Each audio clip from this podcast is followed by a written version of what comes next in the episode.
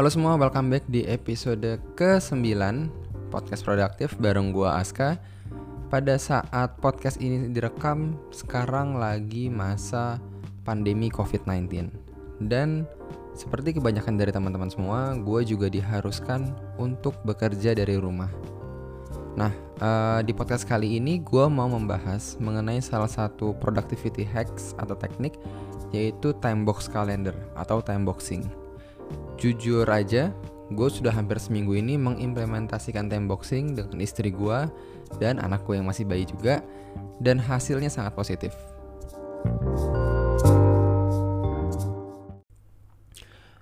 Jadi apa kabar teman-teman? Semoga uh, kalian semua dan keluarga serta orang-orang terdekat kalian selalu dalam kondisi sehat. Uh, saat podcast ini direkam yang tadi gue udah sempat mention ya, Indonesia masih dalam kondisi yang sangat tidak stabil terkait adanya pandemi COVID-19 yang akibatnya banyak banget uh, tempat kerja yang harus tutup dulu atau harus pegawai yang harus bekerja dari rumah bahkan sekolah-sekolah ditutup. Uh, tidak terkecuali gue di mana gue saat ini juga harus bekerja dari rumah dan sudah dua minggu gue bekerja full dari rumah. Oke okay, uh, sama seperti kebanyakan banyak orang mungkin pada saat gue diminta untuk bekerja dari rumah, gue berpikir bahwa pasti akan sangat enak sekali karena pertama tidak perlu menghabiskan waktu perjalanan, jadi tidak ada travel time dan bisa bekerja di tempat yang lebih nyaman di rumah kita sendiri. Dan ternyata kenyataannya tidak semulus itu teman-teman.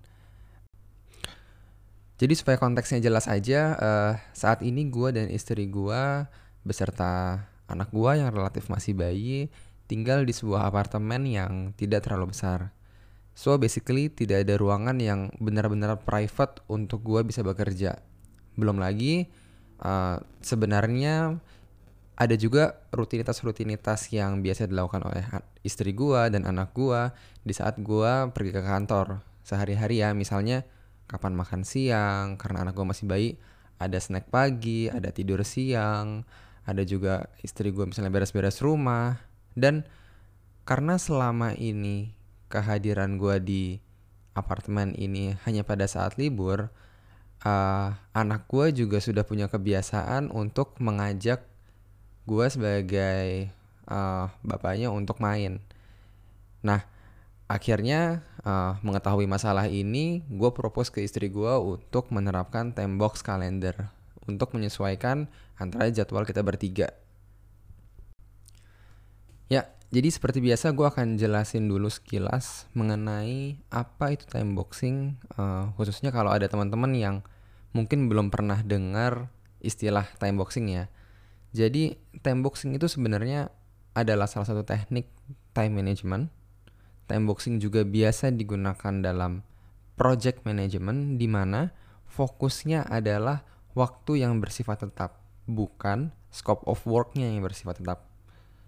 Tapi di sini gue akan bahas dari perspektif personal time management ya, bukan time boxing secara project management. Nah, yang menarik dari time boxing, gue pernah baca di salah satu artikel kalau time boxing itu menempati peringkat pertama dari 100 productivity hacks atau teknik uh, eh, gue akan share link linknya di dalam deskripsi podcast ini. Berikut adalah beberapa kelebihan dari time boxing yang tentunya udah gue rasain sendiri. Yang pertama, time boxing ini dibuat sebelum pekerjaan dilakukan dengan mempertimbangkan jadwal-jadwal kita yang akan kita lakukan. Artinya gini, kita relatif bisa memiliki helikopter view untuk menilai keseluruhan aktivitas dan tugas kita maka kita bisa lebih objektif bagaimana kita akan mengalokasikan waktu kita dan membuat skala prioritas. Yang kedua, time boxing memaksa kita untuk fokus untuk mengerjakan hal-hal yang bersifat esensial karena adanya batasan-batasan waktu. Yang ketiga, karena time boxing ini juga calendar based management, maka kita bisa mengevaluasi waktu kita ketika ada permintaan ad hoc meeting atau ketemu atau call dengan orang lain. Yang keempat, sekali lagi karena time boxing ini bersifat calendar base, Maka kelebihannya ini bisa diintegrasikan juga dengan kalender uh, orang-orang di sekitar kita. Kalau dalam kasus gua selama work from home, gua integrasikan um, jadwal-jadwal gua dengan jadwal istri gua maupun anak gua. Ingat, dalam konteks produktivitas, waktu adalah sumber daya yang paling utama. Seberapa banyak aktivitas yang bisa kita lakukan itu sangat ditentukan dengan alokasi waktu yang kita punya. Jadi analoginya kurang lebih kayak gini. Waktu itu adalah uang. Sedangkan aktivitas adalah barang-barang. Kalau kita ngomong budget keuangan, itu bukan dibuat berdasarkan berapa banyak barang yang mau kita beli, melainkan kita harus consider jumlah uang yang kita punya dan seberapa banyak uang yang bisa kita dapatkan. Sayangnya waktu itu bukan sesuatu yang bisa kita dapatkan dari eksternal. Maka time boxing karena ini adalah budgeting untuk waktu, kita harus pintar-pintar mengalokasikan waktu kita. Oke, balik ke budgeting keuangan tadi. Bila kita mau beli lebih banyak barang dari uang yang kita punya, maka kita bisa berhutang. Caranya macam-macam. Nah, kalau dalam konsep time boxing, hutang waktu juga sebenarnya bisa dilakuin sih. Cuman yang diambil itu adalah waktu-waktu personal kita, waktu-waktu uh, kita menjaga well-being kita. Ya, itu bisa tidur, itu bisa waktu makan, itu bisa waktu-waktu dengan keluarga dan orang-orang terdekat kita. Sekarang apakah hutang waktu yang kita lakukan itu worth it atau tidak, setiap orang bisa beda-beda. Nah, kalau uh, sesuai dengan judul podcast kali ini ya, gue sekarang mau menceritakan bagaimana time boxing itu sangat positif buat gue pada saat work from home. Jadi kesulitan utama gue pada saat WFH kayak gini adalah bagaimana menyesuaikan jadwal tiga orang yang punya kepentingan dan kebutuhan yang berbeda-beda. Awalnya gue kira kita akan menyesuaikan semuanya secara otomatis. Ternyata enggak. Uh, kemudian gue sempat nyoba untuk membagi kegiatan dan tugas rumah antara gue dan istri gue. Gue juga sempat uh, jelasin bagaimana pekerjaan gue dan kapan waktu-waktu supaya tidak bisa diganggu. Tapi dengan seperti itu saja, sepertinya kurang berhasil pada saat itu uh, ternyata kesalahan kita adalah karena kita berfokus pada aktivitas yang harus dikerjakan tanpa ada waktu atau jadwal yang jelas. Nah, uh, ini yang penting menurut gue. Ekspektasi antara gue dan istri gue itu tidak pernah sama. Di sinilah time boxing itu membantu. Jadi instead of fokus pada tugas dan tanggung jawab semata, kita memetakan seluruh pekerjaan dan mengalokasikan waktu yang dibutuhkan di tiap harinya. So, langkah-langkah apa yang uh, kita lakukan? Pertama, gue catat semua aktivitas gue, istri gue, dan anak gue. Kemudian kita tulis butuh berapa lama dan estimasinya dilakukan di jam berapa aja. Yang kedua, kita kayak main puzzle nih. Kita alokasikan semua kegiatan tersebut ke dalam kalender.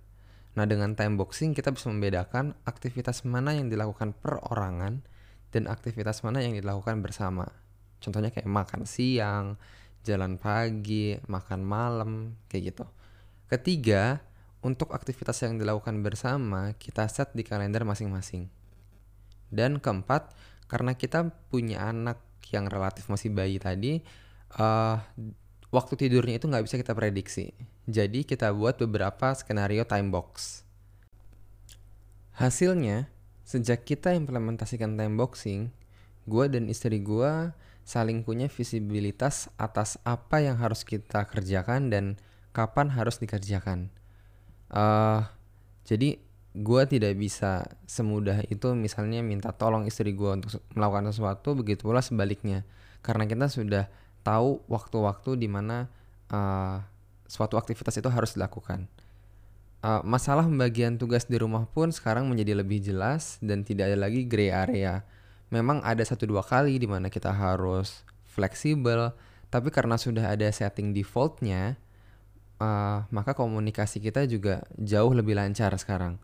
Waktu tidur, waktu bangun, kapan gua mulai uh, dan selesai bekerja, itu sekarang jauh lebih jelas karena sudah ada waktu-waktu yang disepakati.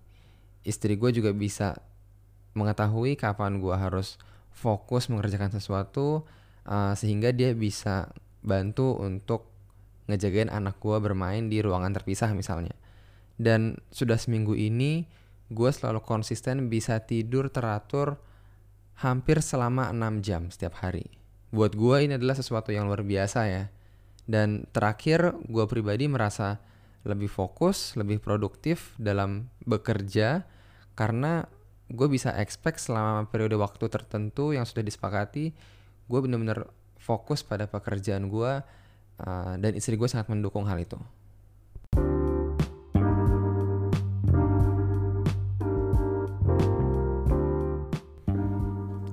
Oke teman-teman, jadi di podcast kali ini gue udah share dan membuktikan bahwa time boxing ini memang sangat bermanfaat.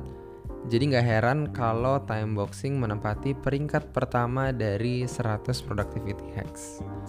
Contoh implementasi time boxing yang gue share memang terkait dengan work from home, tapi sebenarnya implementasinya tidak terbatas pada itu aja. Jadi kalau mau di breakdown lebih detail di tiap aktivitas di pekerjaan kita, atau pekerjaan teman-teman itu juga bisa. Nah, buat yang punya keluarga, manfaat membuat time box yang terintegrasi ini akan membuat jadwal setiap anggota keluarga lebih teratur sehingga meminimalisir miskomunikasi. Karena ya WFH seperti ini adalah kondisi yang luar biasa ya. Jadi penting untuk menyesuaikan ekspektasi setiap orang yang mungkin biasanya nih ketemunya hanya pada saat hari libur di mana tidak ada tugas dan tanggung jawab yang harus dilakukan. So itu aja yang bisa gue share di podcast kali ini dan gue sekali lagi dan sekalian mau ngingetin lindungilah diri kita, orang-orang terdekat kita dengan membatasi diri keluar rumah. Semoga kita semua bisa sehat dan pandemi ini segera berakhir. See you di podcast selanjutnya.